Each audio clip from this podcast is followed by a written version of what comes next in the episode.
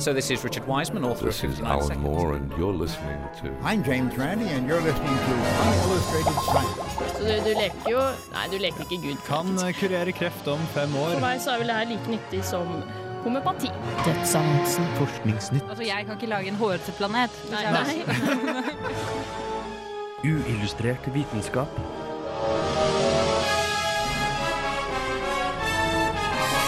Science, it works, bitches. Dagens sending av Uillustrert vitenskap er full av godbiter. Vi har intervjuet Ole André Sivertsen om fylla, og i God halloween-ånd gir vi et innblikk i zombiemaurens ulykksalige skjebne.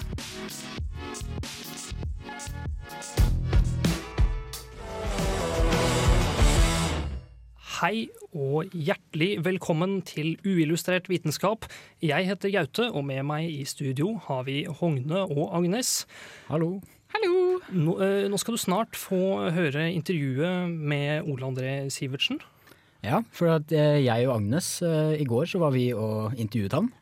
Eh, han er da tidligere programleder for Newton, og er nå Han hadde da premiere i går med programmet sitt Fylla på NRK3, eh, og vi fikk et lite intervju om, ja, om fyll og hvordan det fungerer, og bakrus og litt diverse. Ja. Så før vi sparker i gang dette kalaset av et radioprogram, så skal du få en låt først. Eh, Dette er Some People Light Fires. Jeg heter Ole D. Sivertsen og jeg er programleder på NRK for eh, programmet Fylla, som går eh, i høst.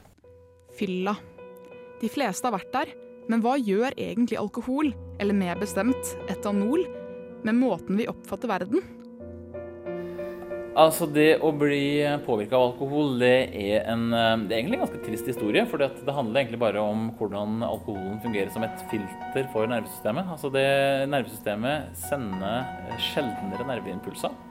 Eh, Noen deler av hjernen er mer eh, skal si, får utslaga litt på lavere promille enn andre. Det første som går, er jo den analytiske delen av hjernen som vurderer omgivelsene våre. Og vurdere ansiktsuttrykk på de vi snakker med, kroppsspråk, eh, hva folk sier, hva folk faktisk mener. Når dette blir eh, litt eh, bedøvd, så skjønner jeg ikke, når du ser på meg, om du syns at det jeg sier er interessant. Jeg ser bare et tomt ansikt. Jeg tar kanskje ikke ironien i noe du sier, og ler på helt feil tidspunkt eh, i en vits. Rett og slett, Vi mister de sosiale antennene, og isteden overlater hjernen eh, selve tenkinga, eller avgjørelsene vi tar, til eh, følelsene. Det vi føler, er det som blir sant for oss, og ikke en, eh, si, ingen gjennomtenkte handlinger på samme måte som når vi er edru. Så alkohol påvirker altså nervesystemet vårt og virker bedøvende. Men hva skjer med hjernecellene?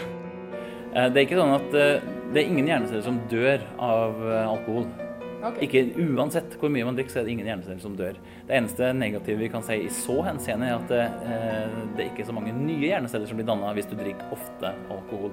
Så du får faktisk eh, du får litt færre hjerneceller, men det er ikke fordi at eh, noen dør.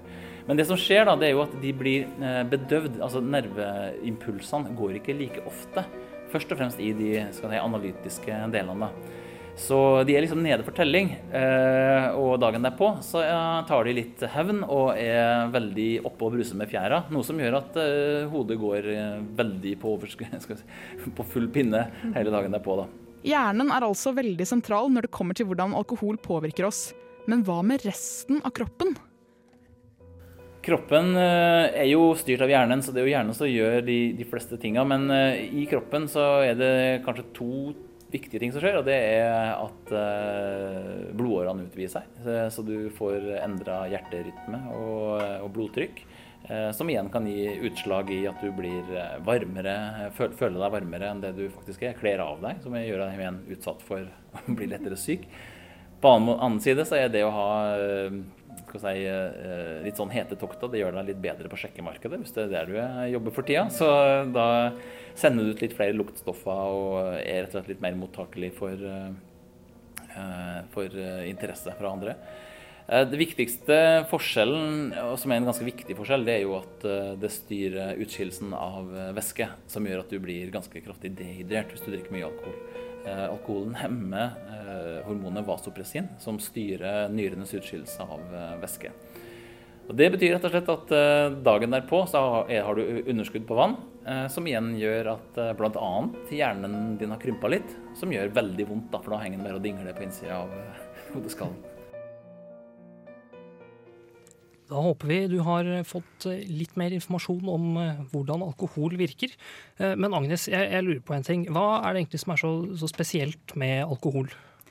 Eh, alkohol er det eneste rusmiddelet som virker både stimulerende og sløvende eh, samtidig. Og det er fordi at kroppen skiller ut to eh, ulike virkningsstoffer når man drikker. Det første er dopamin, som eh, stimulerer belønningssentrene i hjernen og skaper følelsen av lykke og tilfredsstillelse. Og det er også det som skjer når man eh, er forelsket eller eh, spiser sjokolade. uh, og det andre er noe som heter GABA, og det virker bedøvende og gjør deg veldig sløv. Uh, og dersom um, disse her fungerer jo på en måte i en sånn man kan se på sånn forskjellige modeller, så vil Um, altså Dersom det er mer dopamin enn GABA, så har du det man kaller for sånn lykkepromille. Da, da føler du deg veldig bra og, og det er veldig behagelig. Men når du drikker mer, så vil produksjonen av GABA stige, og da vil du bli sløvere og sløvere. Og til slutt så kommer du til et punkt hvor du kan faktisk eh, ja, bli bevisstløs. da. Såpass, ja. Ja, det Øl- kan skje. Ja, ja, alkohol er jo en gift. De driver jo og drikker gift, egentlig. Det er jo det vi holder på med. En, en gift med sjokoladeeffekt eh, i Ja, tillegg. det, det er Ja. Med belønningssystemet, men også dette her GABA-systemet. Så det er, det er viktig å holde en balanse. Det er det, og det er også sånn at man kan uh, Hogne var jo inne på det her for et par sendinger siden med at man kan føle seg ofte litt mer attraktiv. Eller også at man finner andre mer attraktiv. Man opplever kanskje at man kliner med noen man kanskje ikke burde klint med, eller diverse lignende ting vi ikke skal gå for langt inn på. Eh, men det er jo fordi at feromonene strømmer i kroppen, og man, blir, man blir ganske varm når man drikker. Og hvis man da gjerne har litt sånn hår under armene, og sånn, så samler det seg opp, og så vil man da kjenne det på hverandre, og så vil man da føle seg mer tiltrukket av hverandre. Ja, for det de har gjort, eh, det er ganske spesielt også dette her med det, bare at alkohol er veldig mye forventning.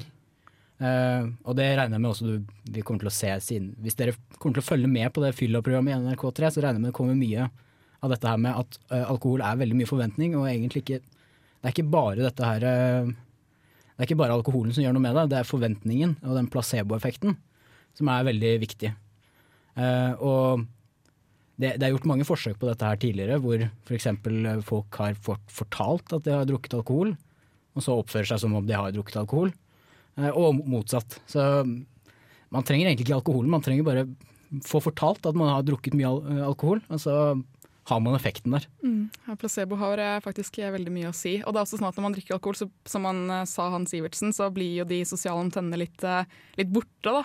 Og man føler jo ofte at uh, ingenting er tilfeldig. Som f.eks. hvis man sitter i en bar og noen tilfeldigvis skumper borti deg i et uhell, så tror man automatisk at det var med vilje, og at det var en sånn ond handling som ble en urett som ble begått mot deg, og så begynner man å bråke, og så oppstår jo sånn fylleslåssing, f.eks. Eller hvis man ringer en ekskjæreste og tenker at alt som blir sagt i den samtalen er Altså ikke, det er ingen, ingen tilfeldigheter fins, det er bare en sånn svart-hvitt-verden, på en måte. Mm. Ja, Ja, Før dere får høre litt mer om problemene med alkohol, eh, nemlig dagen derpå, så skal dere få en låt til. Dette her er Into Tomorrow.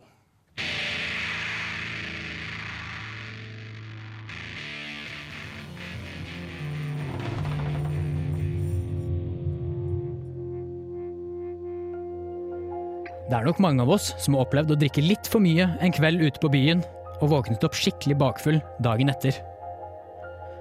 Men hva er det egentlig som skjer i hjernen vår når man har bakrus?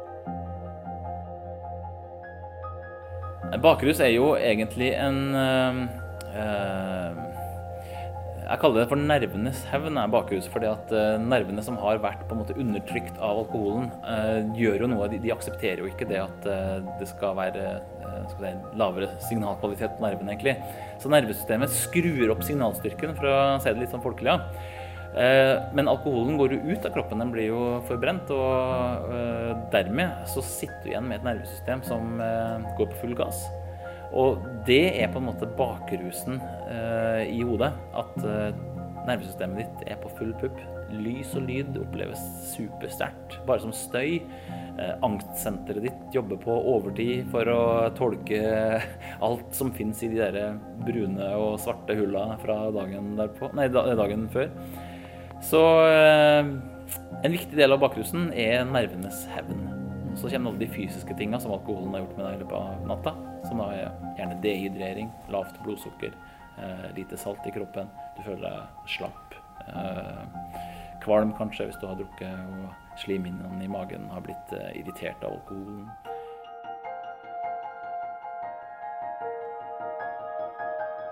Og så blir spørsmålet hvordan kan man egentlig unngå denne bakrusen? Den viktigste kuren for å unngå bakrus er jo selvfølgelig å drikke mindre, men det er jo litt sånn flinkis uh, greie å si. Uh, altså er det noen som sier at selvfølgelig bakrusen går over, så sånn sett så kurerer den seg sjøl. Men uh, det er jo jævlig da å ha bakrus, så um, det det går an å gjøre, er jo Det er to viktige ting. Den første vil jeg si er å prøve å unngå å ha veldig bratt promillestigning. Det har noen ting å si. Hvor fort du blir full, det betyr mye. Både for smerten i hodet og smerten i kroppen. Og så er det selvfølgelig hvordan du Makspromillen din, selvfølgelig. Hva er det høyeste promillen du hadde? Og så er det at du kan behandle bakrusen din med å fylle på med de tinga som har blitt ødelagt. Det vil altså si væskebalansen. Det at kroppen din er sår, kan du behandle med noen medikamenter. Det, det finnes et stoff som heter naproxen, som tar det som er, er litt sånn betennelseslignende reaksjon i kroppen. Ikke anbefale, fordi at det ødelegger slimhinnene i mage og tarm. sånn at Hvis du gjør det for ofte, så kan du få magesår av det. Men sånn nødsfall bak cruisen i julebordstid, så er jo det liksom en sånn anbefaling, da. Du har kanskje merket at noen tåler mer alkohol enn andre.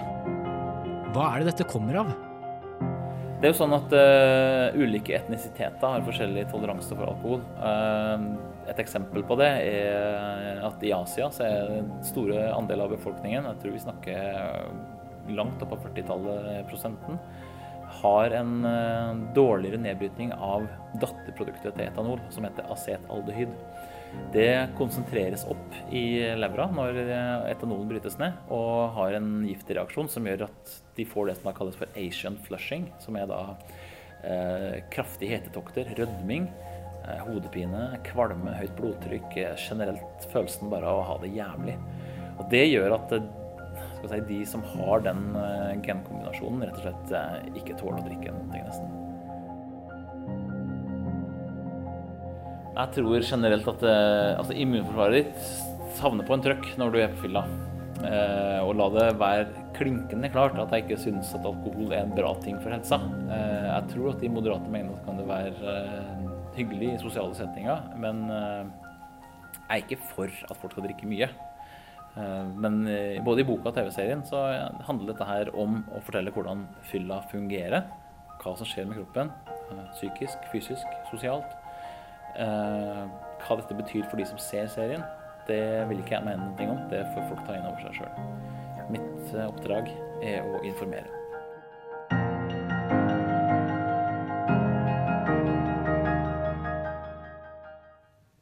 Der fikk du høre litt mer om eh, bakrus. Og Hogne, har du noen, ja, vet du noe om hvordan man kan unngå dette her? Eh, ja, for han pratet veldig mye om eh, Det finnes jo veldig mange kurer mot bakrus.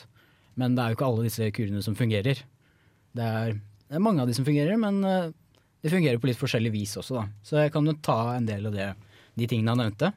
Uh, og også noen av disse kurene er litt sånn tabu, for at ja, For eksempel det første, første trikset er fortsett å drikke. Det er kanskje ikke alltid et like godt uh, tips, nei. Nei, men det funker, fordi nerveaktiviteten din når du blir full, går ned. Eh, og det, jo, det, er jo derfor du ikke føler så mye hvis du slår deg skikkelig i beinet mens du er full. og sånne ting, Så kjenner du nesten ikke. Mens du kanskje dagen etterpå kjenner at oi shit, jeg slo meg skikkelig. Jeg har plutselig blåmerker eller noe sånt som jeg bare ikke visste jeg hadde. eller noe sånt. Eh, men når du da våkner opp eh, bakfull eller som bakrusa dagen etterpå, så kompenserer da hjernen, hjernen din for det og har ekstra mye nerveaktivitet. Og dermed så får du vondt i hodet, du får alt går på litt for høyt gir. Eh, og en måte å fikse det på er fortsette å drikke, få ned nerveaktiviteten igjen eh, og få det på et sånn cirka normalt nivå igjen. Men eh, det er sikkert andre ting som ikke er så veldig lurt med det. da. Så hvis du kombinerer det da med den placeboeffekten om at man tror at man er fullere enn det man er, så hvis man da venner seg til å ha en viss promille, så kan man gå rundt og være småfull og uten å tro at man er full, Ja. og klare seg veldig bra, egentlig. Kanskje. Kanskje. Kanskje. Det, det er ikke noe å anbefale, men Nei, kanskje. absolutt ikke anbefale. Ja. Og så er det jo veldig mange Det å være eh, bakfull, eller bakrusa, jeg vet ikke hva det kalles, eh, dagen derpå, hangover, eh, er jo veldig mange symptomer som bare kalles eh, Som slås sammen. Eh, og en av grunnene til at du føler deg dårlig, er jo pga. dehydrering. Fordi når du drikker mye alkohol, så må du pisse veldig mye, og da tisser du for mye, slik at du får veldig lite væske i kroppen. Så et enkelttriks er drikk masse vann, eh, og det funker veldig bra. Eh, Et annet triks er drikk kaffe, for eh, du har også et problem med at du er veldig, veldig understimulert. Kaffe fungerer ikke så bra. Det funker ikke mot så mange av de symptomene som du får under bakrusa, men du får opp stimuliet. Så det er i hvert fall én positiv side ved kaffe, og det er også væske. Så du får opp Du, du, du jobber mot dehydreringen også, da. Kaffe. Oi, kaffe. ja. ja. Og en, ja, han nevnte mange triks, og triks som ikke fungerte. Eh, proteiner uh, er bra, men ikke fet mat. Så alle dere som spiser nattmat på Burger King eller et eller annet sånn, det er, det er ikke det smarteste dere kan gjøre. Det, Det er sikkert- holder med en banan, faktisk. ja, det, det er vel mye proteiner i bananer så, ja, og karbohydrater, så det funker vel bra, det. Eh, frukt, ja, det kommer, det kommer til nå. Frukt fungerer bra. Fruktjuice og alt dette her. Eh, og en annen ting som er litt tabu, han, han nevner jo det også i saken her, er smertestillende, som Naproxen, som er da et sånn menstruasjonsmiddel. Eh, Det er jo en grunn til at du kanskje ikke har hørt om eh, dette stoffet før, fordi, eller som en kur for eh, bakrus fordi det er litt tabu. Du, skal, du burde jo ikke ta smertestillende. Men det får jo ned nerveaktiviteten, og da du, du blir bedre av det. Men eh, det, er jo, ja, så det funker å ta Ibux og Paracet og alt dette her. Men det er ikke så lurt i lengden, egentlig. Det er jo andre negative sider ved å ta masse smertestillende. Han kommer jo også med sånn masse kjempemorsomme ting du kan gjøre som ikke har noe med ting du putter i deg, men sånn som at du kan hvis du er redd for at noen skal ringe deg dagen etterpå og kjefte på deg pga. ting du har gjort, så kan du heller ringe noen andre og kjefte på dem og si at du har gjort så mye teit. Og så var det vel også sånn gå i kirka, gå en tur, gå til psykolog hvis du har råd til det. Sånne ting som Ja. ikke handler om at du skal proppe deg med nytt dop, holdt jeg på å si. Så den ultimate kuren er rett og slett eh, lag deg en smoothie bestående av øl, vann, kaffe, bananer og Smertestillende. smertestillende mens du går en tur. Eh, og så er du kvitt problemet med en gang. Altså. Det, vi må videre i programmet. Eh, nå får du en låt til. Dette er No Gun av Naomi Pilgrim.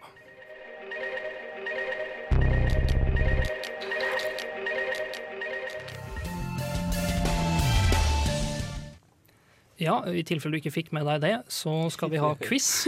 Eh, og da drar vi med oss tekniker Henrik. Hey! Det blir bra. Og Agnes er quizmaster i dag. Ja! Da får du, vær så god, kjør i gang quiz. Å, takk for det. Vi er klare. OK. Sett dere godt til rette. Hendene opp av buksa osv. OK, let's do this. All right. OK. Hvilket oljefelt var det første i Norge som det ble funnet olje i i 1969? Lille julaften, eller noe sånt, tror jeg. Ja, um, Sleipner, kanskje? Nei, jeg vet ikke. Um, Troll? Nei. Ah, Jeg sier passe, for det blir vill Ja, fra min side. Uh, det er et eller annet norrønt navn. ja, selvfølgelig. den, kunne, den kunne jeg tatt selv. Nei, jeg vet ikke. Uh, nei, altså svaret er ekofisk, altså. Ekofisk er det. Det høres så nytt ut. Det, Ja, ja, men det har jeg faktisk hørt om. Ja. ja det, det var riktig svar. Null poeng på ingen, ingen klarte det. Um, hvorfor fjerner man svovel i et oljeraffineri? Fordi det er dårlig. Ja, det er egentlig ganske bra. Det er veldig nøyaktig svar. Fordi vi trenger det ikke. Vi har lyst til å fjerne det. Because we can. Vi kan tenke svovel Hvis svovel på en måte kommer da i lufta, da eh, Så det er veldig forurensende. Det er veldig forurensende. Samme som bly. Ja, men det, det som er, er at når det kommer ut i lufta, og så kommer i væske Å, herregud, jeg snakker så bra her nå, men altså, poenget er jo at det, det regner ned som Syreregn. Ja, altså sur regn. nedbør. Sur nedbør, ja. Mm. Ja, Jeg føler ikke at jeg fikk det poenget. Nei. Jeg, jeg sa det var dårlig. Halvt poeng. Fortsatt null. Ja, det er greit. OK. Um, hva er hensikten med krakking? Hva er hensikten med det? Hva er krakking? det, det er jo noe sånn oppde, oppdeling av eh, de hydrokarbonene. Det, er- du har lær, vi lærte om det for kjempelenge siden, men hva det var Det var en av de prosessene for eh, å rense olje, eller for å gjøre den bedre. Eller dele opp i kanskje bensin og diesel og sånne ting. Jeg husker ikke. Dette er slappe greier foreløpig, ass. Ja, men det er, du er inne på noe, Ja, altså. det, jeg har lært om dette her før. Ja, eh, det håper jeg, for det her har jeg hentet den fra 10. klasse naturfag. ja, men selvfølgelig kan vi ikke det ikke da. Det spiller sånne ting vi lærte i går. ja, eh, nei, men det er at man lager mer av de lettere fraksjonene, da. Eh, så det er, ja, Ja, Hogne har som, jo som, ben- som bensin og, Fly, og flybensin. ja, oktan. Og, Høyoktanbensin. Ja. Ja, det, det heter jo oktan og septan og alt det der. Å, gjør det det? Ja, fra hydrokarbon. og- Ja. Nei, bare fortsett, du. Ja, Jeg kan litt om det, men ikke veldig mye. jeg synes, Hogne får, Har du sånn applausknapp? Uh, nei. Nei, vi, Men altså, jeg har applaus. Det var bare ett spørsmål. Jo, men det er fortsatt 1-0-0. Ja. Hva er en seismisk undersøkelse? Det er en undersøkelse av eh, Ja, hvor eller bare en jord, jordmonnundersøkelse? Du sjekker hvor, eh, hva som ligger under jorda. Da. Du sender sånn seismisk eh, stråling eller sånn mot bakken, gjerne Seismiske pulser? ja, pulser eller noe sånt. Og for å sjekke hvor det finnes olje. Du kan sikkert bruke den til mye annet rart, men Basseng, bassengundersøkelse? Ja, men hva brukes Altså, hva er det? Hva er teknikken bak? Hvorfor? Hvordan får Radar? Ja, du, du sender et eller annet sånn eh, lydsignal eller noe sånt, så du får du refleksjonen tilbake igjen når du treffer eh, bunnen. Du, du kjører vanligvis når vi gjør det i Norge, så er det jo under vannet, eh, offshore. Eh, så får du signalet opp i båten igjen, og da veit du hvor. Hvordan den eh, jorda under ser ut. Ja, det er helt riktig. Jeg har skrevet sånn veldig snevert refleksjon av lyd, men du er absolutt inne på noe. Ja. Hognås. Dette er naturfag 10. klasse. Det du For meg.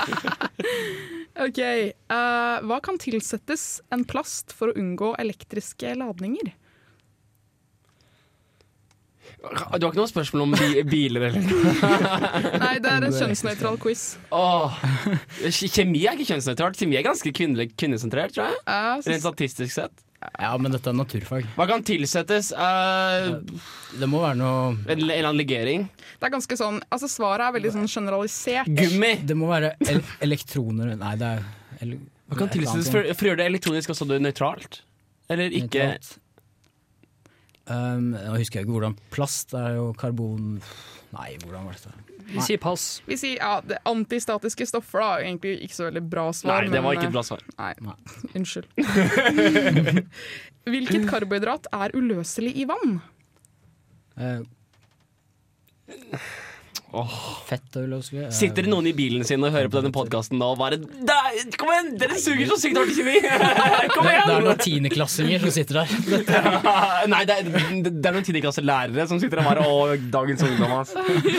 Herregud. Ja, men et, altså et karbohydrat eh, Karbohydrater slutter på ose. Dette her er et karbohydrat som vi ikke kan fordøye. Myose, nei.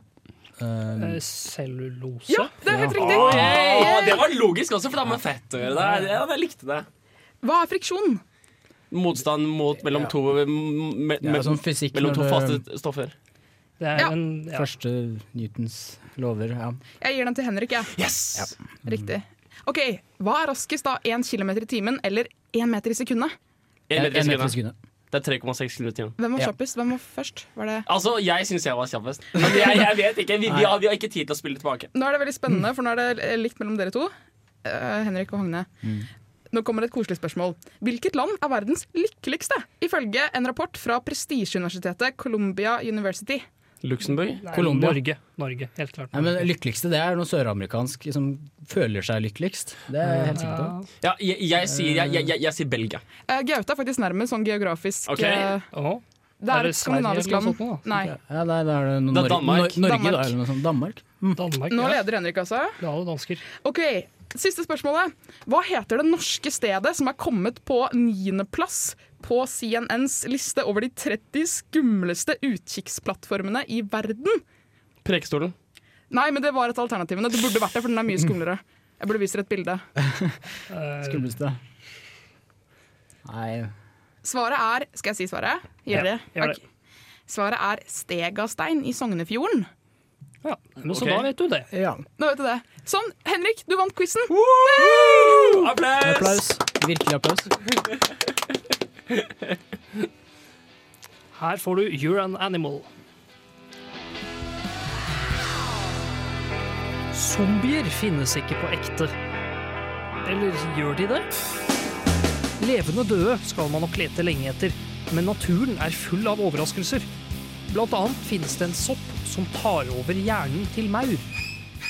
Opiocordiceps unilateralis er en sopp som krever helt spesielle omgivelser for å reprodusere seg. Og det å komme seg til det perfekte stedet, det kan være et problem. Løsningen den har funnet på dette problemet, er å ta kontrollen over maur. Soppen sender ut sporer som infiserer maur.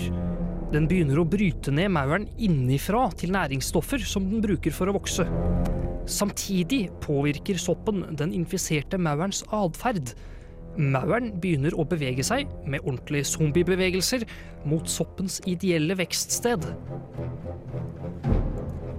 Ca. 25 cm over bakken, på undersiden av et blad på nordsiden av en plante, der det er ca. 94-95% luftfuktighet og mellom 20 og 30 grader celsius, blir mauren tvunget til å bite seg fast i et siste dødsgrep når sola står midt på himmelen.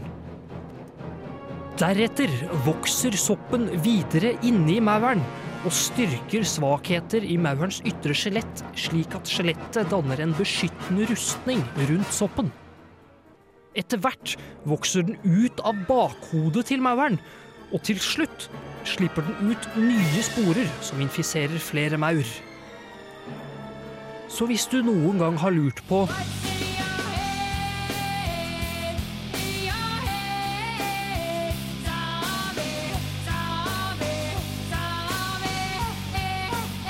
så er svaret altså en sopp. Da håper vi du har blitt litt klokere på zombiemaur. Kanskje ikke så ordentlige zombier, men ganske nærme i hvert fall. Ja, eh, Men hvordan i verden har dette begynt å skje? Hva er det som har skjedd i evolusjonen, sånn at plutselig denne soppen har begynt å, begynt å utnytte denne mauren? Ja, det er ganske unikt eh, det som denne, denne arten har gjort, da, i og med at den er så spesifikk med hvor den får mauren til å ende opp. Eh, Det har jo vært eh, gjort flere eh, mye forskning på dette her, hvor man da har tatt en maur som har bitt seg fast, og så har man flyttet den litt høyere opp eller lagt den på bakken, endret litt på temperaturen eller luftfuktigheten, og da har soppen rett og slett ikke begynt å spire i det hele tatt. Den, mm. den spirer kun akkurat der hvor den mauren eh, setter seg fast. Så det den rett og slett har gjort, er at den har, eh, har gått gjennom det bryet med at den har funnet ut at det er en sånn liten nisje der hvor eh, det er eh, ikke mye konkurranse, hvor den rett og slett er ganske alene. Eh, Og så har den da spesialisert seg til å bli fraktet på akkurat det ene stedet. Ja, så hvis denne mauren forsvinner, så vil også soppen forsvinne? og Det vil være Ja. kjempeproblemer. Eller et annet eh, stort problem som er nå, med global oppvarming, eh, så blir de områdene der hvor mauren flytter seg opp, de er ikke sånn som de områdene pleide å være. Fordi at det f.eks. blir litt endring i temperatur eller luftfuktigheter. Eh, Blant annet så er det ganske mange områder som blir for tørre, rett og slett, til at denne soppen kan spire. Så eh, global oppvarming dreper zombier, altså. eh, Rett og slett. Ja, der har vi løsningen på zombieapokalypsen. Ja, ikke sant. Vi, vi utsletter en apokalypse med en annen. Enkelt og greit. Eh, Men hvordan klarer egentlig denne soppen å ta kontroll over hjernen på mauren, eller har den en hjerne egentlig i det hele tatt? Ja, eh, altså det som, det som skjer eh, Man er ikke 100 sikker på akkurat hva det er den gjør, eh, men blant annet eh, så angriper den sentralnervesystemet til, eh, eh, til mauren og, og påvirker den Mm. på den måten. Eh, og Det er også derfor den får en veldig sånn sjanglete gange, som kan minne litt om sånn zombietrasking. Blir den rusa på sopp? Eh, Den blir nok ikke så veldig rusa, tror jeg. Eh, Den oppfører seg annerledes enn den ville gjort ellers. Den, i hvert fall. den opp, det, det kan hende den blir litt, litt rusa. Jeg vet ikke om det er ja. korrekt. Kanskje ikke dopamin og lykke og sånne ting, nei. Nei, den blir nok ikke så veldig glad i om at den blir spist eh, levende innifra. Um, Men kan denne soppen ta, eh, ta over andre arter? Eller sånn, hvis Ja. den hadde fått noe mer, kunne den klart å ta over mennesker plutselig? det er jo noe som mange har spekulert i. Eh, Blant annet så kom det ut et eh, spill i sommer eh, som heter Last of Us, som tar for seg akkurat det Mm. scenarioet der, med at denne soppen plutselig tar over mennesker. Men nei, Den kan ikke ta over mennesker Ennå. ennå. Det finnes andre varianter av den som heller ikke kan ta over mennesker, men som angriper andre insekter. Da. Mm. Ja, så de finner sin nisje. Så Ja. bare håper ikke en sopp finner mennesket som sin nisje. Ikke sant? Eh, og det som er litt spennende også, er jo det at man har funnet eh, fossiler av blader med sånne maurbitt, som er 48 millioner år gamle. Eh, så det kan jo også være med på å forklare hvordan den har klart å bli så spesialisert på akkurat det området. Den har hatt Mm. nok av tid til akkurat det. Vi går videre. Her får du The gesture I made just The, the gesture I just made means I love you.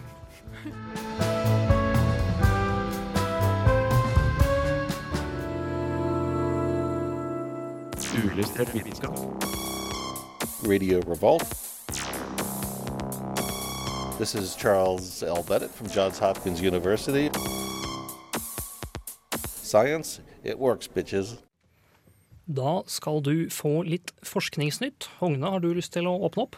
Eh, ja, det kan jeg godt gjøre. Um, ja, det, eh, En nyhet eh, denne uka er at de har la, klart å lage verdens største gentre. Hvor de da har kobla sammen gener på eh, hele 13 millioner individer og funnet ut at de er i slekt. da. Eh, og dette går da helt tilbake igjen til 1500-tallet. Men hva kan dette brukes til? Eh, jo, det er kanskje ikke så mye det kan det, det hadde vært veldig kult hvis de hadde vært der. Jeg vet ikke. Det, jeg tror det er europeere og så en del amerika mest amerikanere, da, men det er jo på en måte europeere eh, som har reist til USA, så det er litt, en liten blanding der. Men eh, det viser veldig bra sånn populasjonsreising. Da. da kan du veldig lett se hvor folk har reist. Da. Eh, det er vel det eneste som kan brukes til, annet enn at det er veldig kult. I hvert fall hvis de hadde vært der. Eh, Og i tillegg så kunne du også lagd verdens største familiesammenkomst. Med 13 millioner individer. Det hadde vært litt av en eh, feiring. Jeg vet ikke helt hvor de skulle holdt den sammenkomsten. Det er litt lite problem. Leie et kontinent. Men det her kan jo bevise Det var jo noen som mente at de som er imot kontinentaldrift, som mener at eh, eh, Sør-Amerika ikke har hengt sammen med Afrika, og de mente at dinosaurene har gått over en kjempelang bro. At kontinentene alltid har sett sånn ut. De har bare gått over en lang bro, og derfor har de funnet knokler etter dinosaurer. Har, Ingen, ingen Pangea? ja, nettopp. Har det noe med saken å gjøre? Nei, det går bare tilbake til 1500-tallet, og da, var det, da så verden ganske lik ut. Eller i hvert fall kontinentene så ganske like ut. My bad. Eh, Jeg kan jo hoppe til med neste, eh, den neste forskningsnyheten, eh, og den tror ikke jeg skal forklare så altfor nøye. Det er at de har klart å lage et lekeunivers som kan vise at tid kanskje bare er en illusjon. Det er jo spennende. Ja, ikke spør meg hvorfor. Men Hogne, jeg skjønner ikke! Jeg er bare en jente! Jeg vil vite. Jeg, jeg kan forklare kort hvorfor jeg ikke forklarer dette. her, for Du må først vite at uh, kvantefysikk og relativitetsteori det har jeg for så vidt uh, pratet om tidligere, de henger ikke sammen. Uh, du må vite litt om sammenfiltrede fotoner. Det de har gjort, er å danne et univers på to fotoner. Og så har de sett på polarisasjonen på disse her og sendt det litt forskjellige veier. Så har de gjort noe fantastisk som jeg ikke skjønte så mye av, og så har de funnet ut at tid kanskje er en illusjon. Ja, men det skjønte jeg jo. Ja, det skjønte ikke jeg. Eh, Vi skal snakke litt om eh, thorium også, eh, fordi den tidligere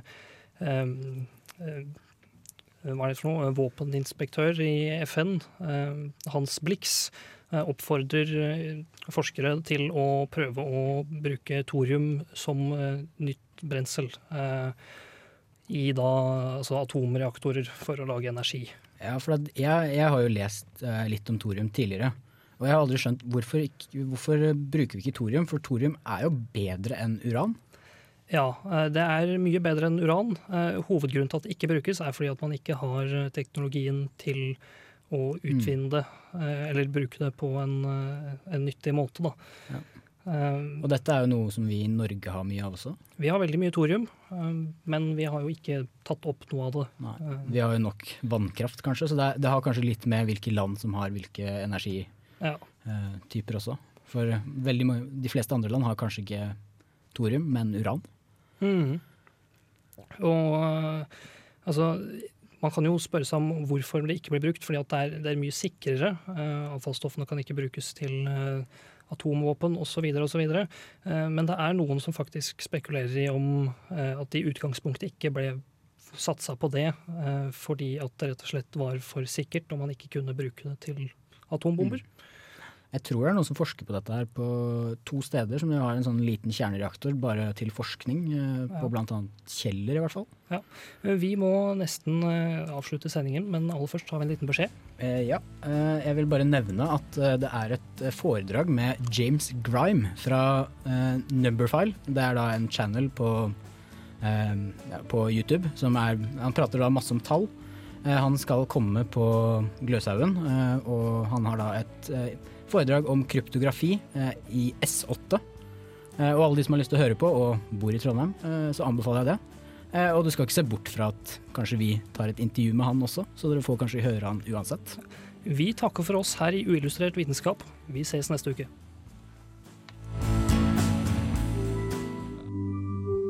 Uillustrert vitenskap er Midt-Norges eneste teknologimagasin på lokalradio. Og vi snakker om alt fra populærvitenskap til sære forskningsprosjekt ved NTNU. Radio Revolt, studentradioen i Trondheim, er stolt av å kunne presentere podkaster fra de aller mest populære programmene våre. Hvis du har lyst til å høre mer fra Radio Revolt, hvem vi er og hva slags musikk vi spiller, så kan du høre oss på FM-båndet i Trondheimsregionen, eller streame sendingene våre live på radiorevolt.no.